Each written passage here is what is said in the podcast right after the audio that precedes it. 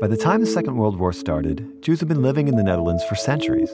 From the 17th century onward, Jews have been welcomed here, unlike in some other parts of Europe.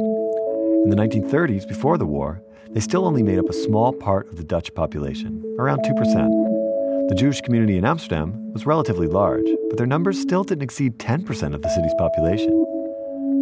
The exhibition contains a photo from 1933 showing an everyday scene. So here we have a photo with a very crowded beach scene. This is Annemiek Gringold, curator of the Jewish Cultural Quarter. It's beautiful weather, and there's about 30 people watching me. It's sunny.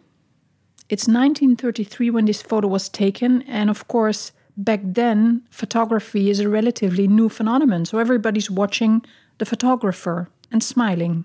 The photograph is taken from the family album of the Adelaar family from Deventer and for generations they've lived in the Netherlands.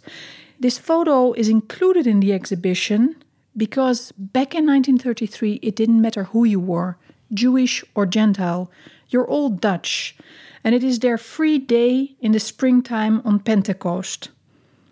We don't even know exactly if they're on there, the Adelaars. They blend in in the crowd.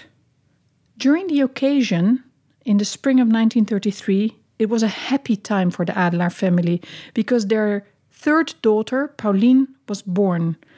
It's their third child of Rudy and Willy, and I suspect she's not in the photo because there's no baby on it. But it was a happy year. In 1933, on the other hand, just across the border, Nazi Germany came into power. And seven years later, on the 10th of May 1940, the Nazis invaded the Netherlands and within just a few months, the first sign that Jews were no longer safe became visible. Hate propaganda played an important role in this process. By means of anti Semitic stereotypes, Jews were blamed for many social and economic problems. The Nazis drew up guidelines to determine who was and who wasn't considered Jewish. In this way, Jews were classified. In the months that followed, the introduction of anti Jewish measures slowly but surely severed the ties between Jews and non Jews. In the interview project, Eva Jette Saye, who lived in Germany before she fled to the Netherlands, talks about her high school years.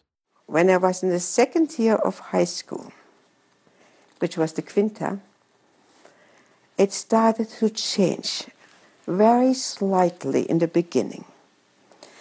Uh, people that were my parents' friends became a little afraid of saying yes we are friends of the Hellendags and kept a little bit away, but not to a great extent. Children uh, were a little bit, well, children are nasty or can be nasty. They would say, oh, you're a Jew. And, but it didn't really faze me. Till one day in the high school, in the Quinta, they discontinued our biology classes and we had all of a sudden Rassenkunde.